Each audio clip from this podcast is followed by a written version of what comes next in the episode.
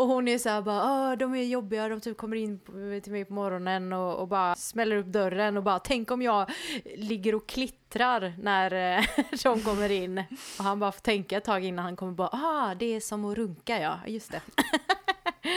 ja, och så pratar de ju lite om det.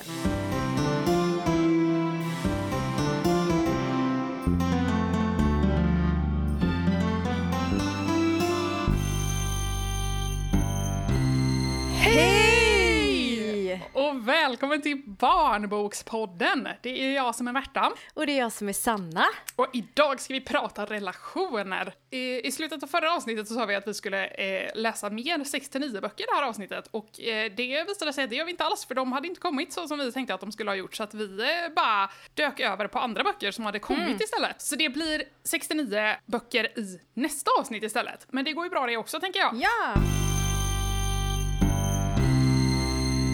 Och de här är ju då 12 till 15 år, de här böckerna. Ja, så jag bara typ dubbelt så gamla som för de andra böckerna. Ja, det är bra att du kan räkna. Jag vet! Jag känner det. Det var så här, content!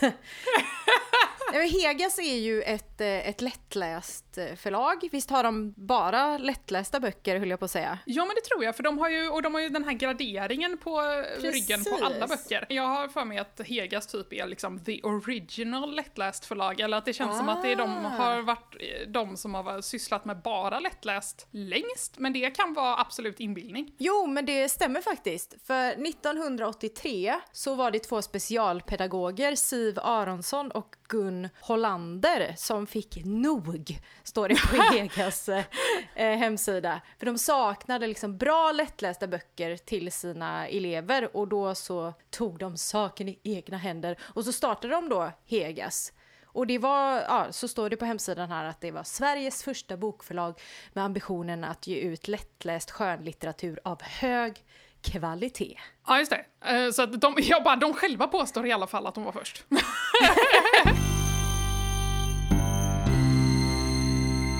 Ja men då är det först då jag skriver till honom och säger att allt är okej. Skriven av Ebba Hyltmark och är första delen i en serie böcker och serien heter då Nevermind. För det känns ju också som någonting som jag verkligen förknippar med Hegas, det är att de ger ut serier liksom. Eller att det känns som vi hade väldigt svårt när vi gick igenom deras katalog att hitta någonting som inte var i en serie. Så var det kanske? Jag tänker att det är, så, det är så intressant, för den andra boken som jag har läst har ju, ingår ju också i en serie, eller det är första boken i en serie. Men eh, vad, vad heter andra boken då? Den heter Önskar jag kunde berätta för dig och är skriven av Anna Jakobsson Lund. Men jag tänker att det kanske är det här lite korta formatet också som gör att man som författare inte riktigt känner sig färdig med sina karaktärer när man har skrivit en bok om dem, utan då är man lite så här, men det finns mer att berätta här, eller jag vill liksom, eh, jag höll på att säga klämma lite på de här karaktärerna lite till, men det lät kanske fel. Men, men att man vill eh, umgås med dem lite till. Och det här med klämmandet kommer vi återkomma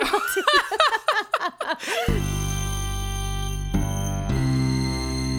Ska vi börja med Nevermind del 1? Jag skriver till honom och säger att allt är okej. Ja, boken är främst då skriven i chattform eller sms-form.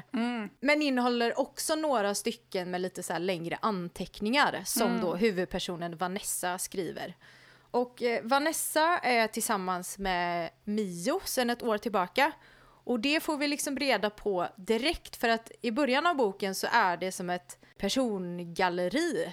De fyra mest framträdande personerna är listade. Ja, nyckelpersoner står det här. Nej men så man ska veta liksom vilka de är och eh, vad de har för relation till varandra. Och jag kan väl se en poäng med det i och med att det, eftersom det just bara är skrivet i chattform och, och de redan känner varandra så blir det lite konstigt så här om de bara Hej, det är din bästa kompis här som Ja. skriver. Liksom, det går ju typ inte. Det kan, det kan bli lite krystat.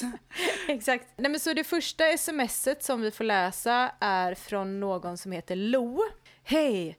Ville bara säga att det var jättetrevligt att träffa dig igen. Du är jävligt mogen för att vara 16. Hoppas vi ses snart igen. X. Lo.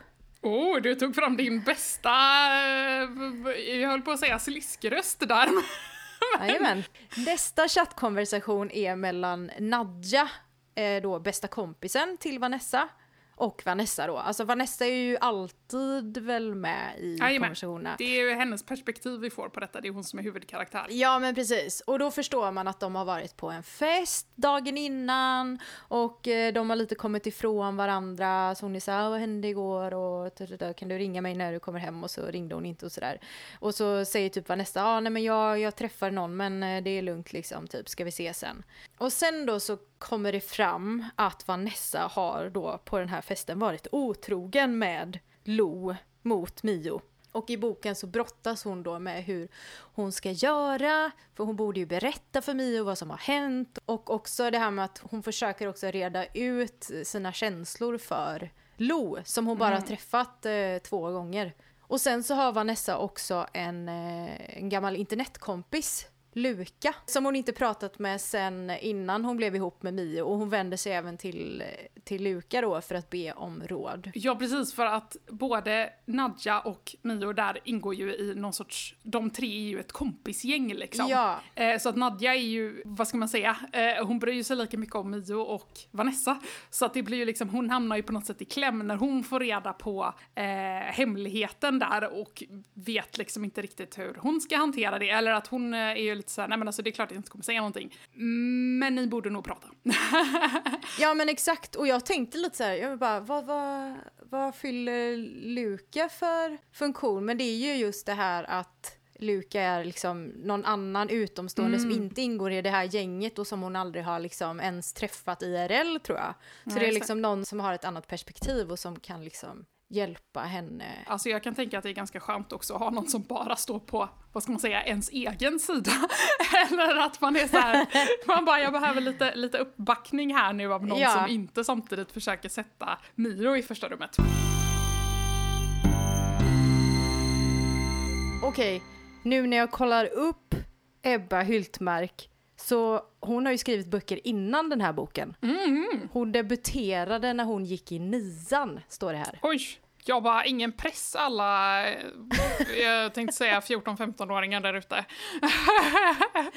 Nej men exakt. Nej men för jag vet att du och jag pratade lite om det innan det här med att, men för jag skrev ju mycket musik när jag gick på högstadiet.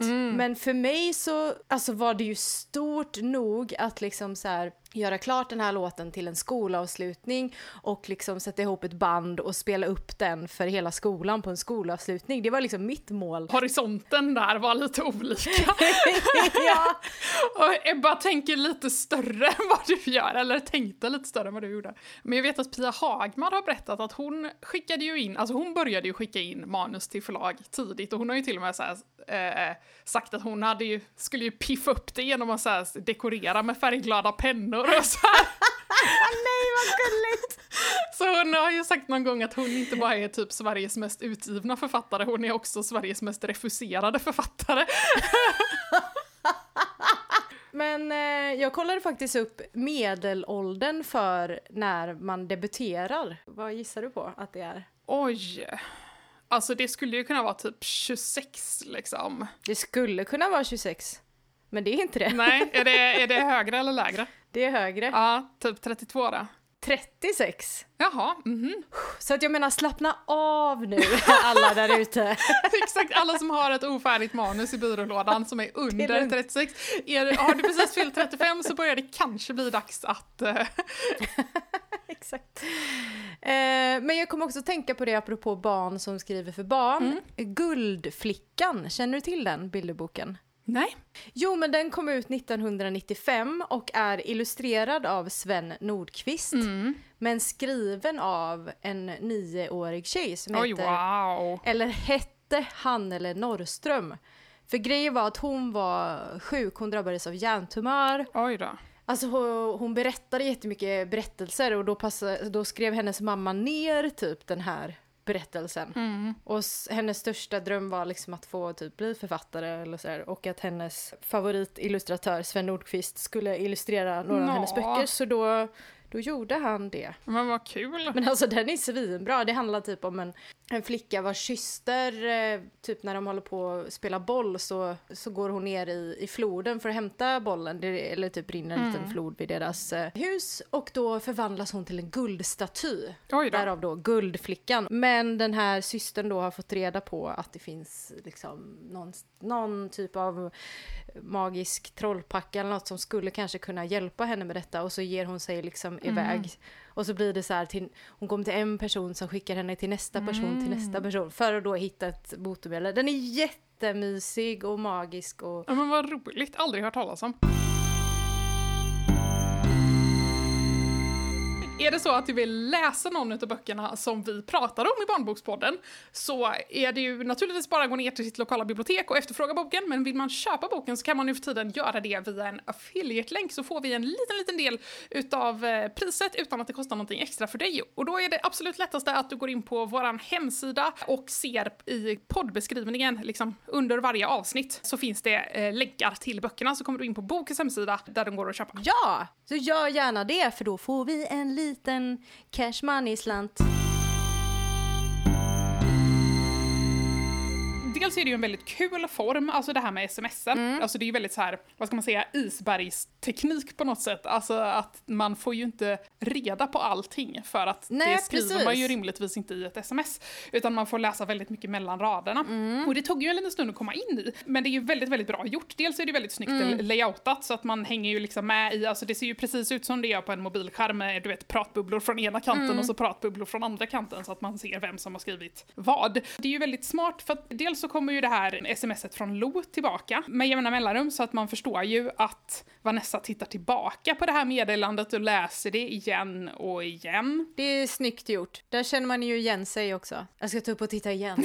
Läste jag verkligen rätt? Kan jag tolka det här på ett annat sätt? Exakt! Och sen så att man ser då eh, tidsangivelserna till exempel så här, idag 02.45. Så här, jag tror kanske vi måste snacka. Så det är ju väldigt, väldigt smart använt. Och som sagt den här anteckningsappen för de där grejerna som man liksom ändå inte riktigt kan få fram. Eller det är ju saker hon vill säga till folk.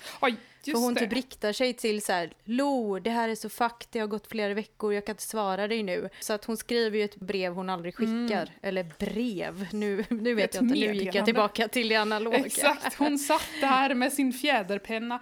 Eh, och apropå det så är det ju faktiskt ett uppslag här också där man ser i den här liksom skrivrutan att det står en massa text. Och sen så ser man på nästa sida hur det här lästa meddelandet står kvar men att hon har svarat med någonting helt annat än det hon skrev. Eh, och jag menar, det har man ju också gjort. Man har ju skrivit någonting och sen så har man ändrat sig och så har man suddat ut det och så har man skrivit någonting helt annat. Så otroligt, otroligt smart gjort och otroligt Ja. snyggt arbetande med formen. Det är ju lite samma layout som på en, eh, alltså på en mobil. Mm, mm, ja, verkligen.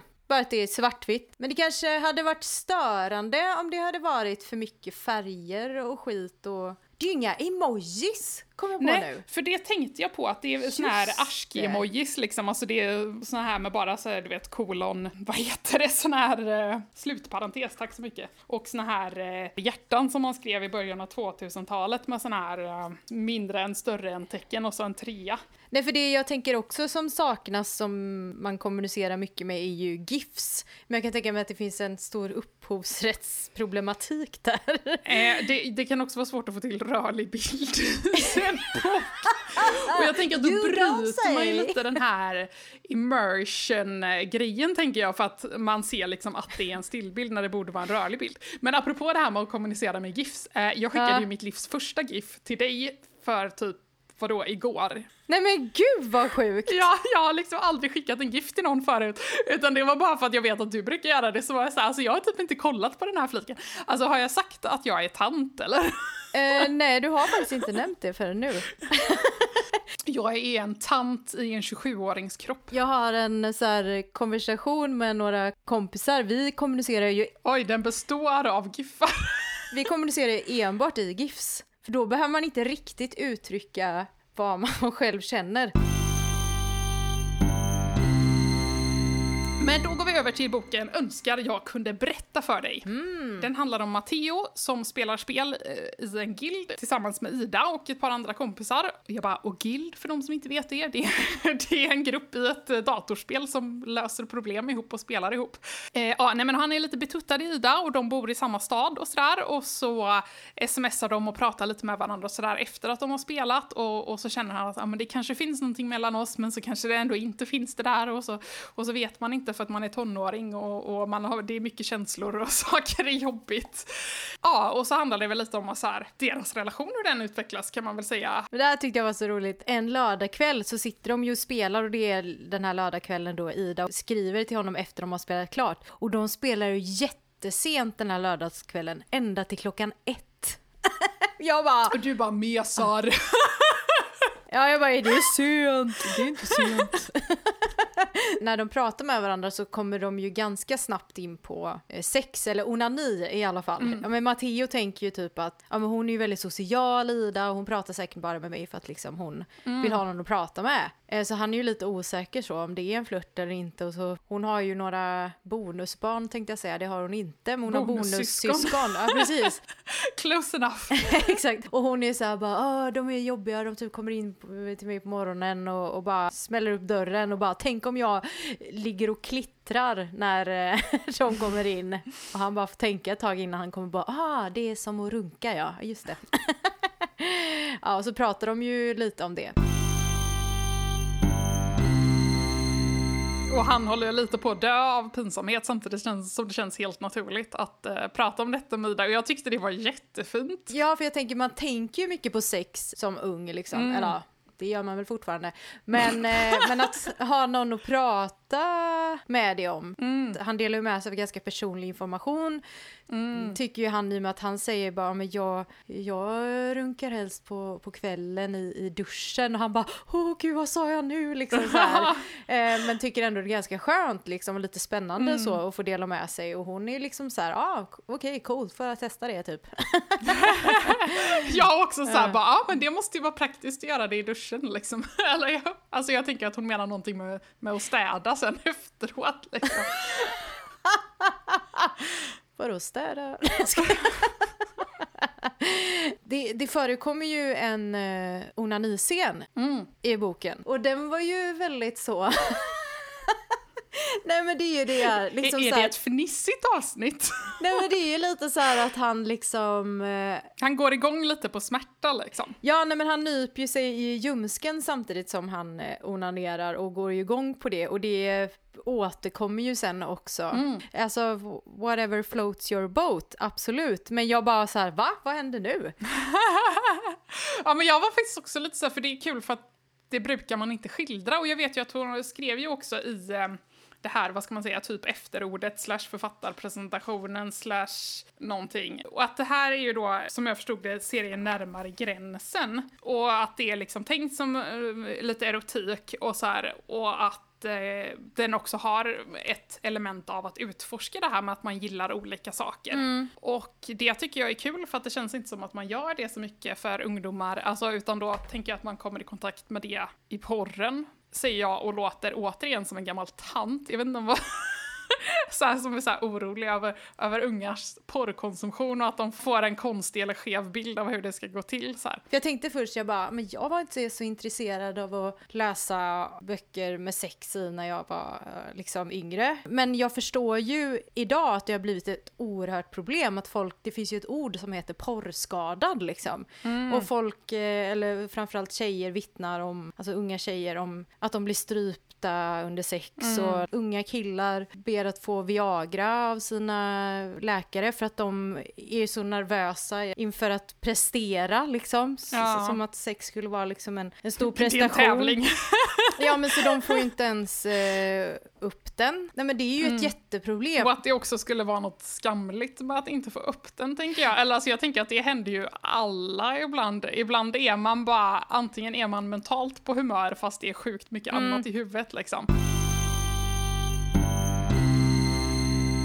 Jag tycker att det är viktigt att det finns eh, sex i litteratur för den här åldern. För att man är ju ändå nyfiken och man vill ju veta hur det går till. Och om man då inte kan få det genom böcker så går man ju kanske då till porren och så blir det fel. Nu, jag bara, nu när jag tänker på det, jag tror inte att vi visste att det här var liksom, alltså erotik på det viset. Nej. Eller liksom, alltså det är ju en, alltså det är ju en relationsroman, men den har ju, den har ju snuskiga inslag. Ja, det har den. Eh, Men det är liksom, jag tänker på den här bilden på den här nakna ryggen på baksidan, eller framsidan menar jag. baksidan av kroppen men framsidan av boken. Nej men att ehm, jag tänker så här att det kan bli lite så dubbelt för att om man letar efter någonting som handlar om, om snusk så är det ju liksom bra att man bara, "Ah, ja men en naken knopp, det här skulle eventuellt kunna vara någonting liksom. Så du en naken knopp? En naken knopp, en naken kropp. så, eh, alltså, ja, men det, det, eventuellt skulle det kunna vara så att de, de pratar om snusk här. Men jag tänker också så här, ja men du vet, om man ska säga till sin mamma att man vill ha en bok liksom. Jag vet inte om man gör det i den här åldern, men det är väl lite så både och fortfarande. Men att jag tänker att det kan vara lite så här tveeggat liksom att, att annonsera det. Alltså innan, innan jag blev tonåring så läste jag, eller uppskattade jag väldigt mycket de här Eva Adam-böckerna och där är det ju absolut inte eh, sex utan det är ju liksom så här pirrig kärlek och liksom verkligen åtrå till en annan person fast verkligen på ett barns nivå. Och också läste jag ganska nyligen Kristina Lindströms Välj mig, där huvudkaraktären Silje, eh, hennes pappa har dött. Och det är liksom det som är det stora temat, men där finns också ett sånt där otroligt fint, liksom spännande så kärleksmöte som är så jätteoskyldigt och fint, men man är verkligen, alltså man bara sugs in i hur de ligger där och liksom bara så här typ andas på varandra liksom typ. Och att det tycker jag är nästan så här mer typ upphetsande, höll jag på att säga, än att läsa om sex. För två avsnitt sen så pratade vi om det här med tv-spel och författare som spelar tv-spel.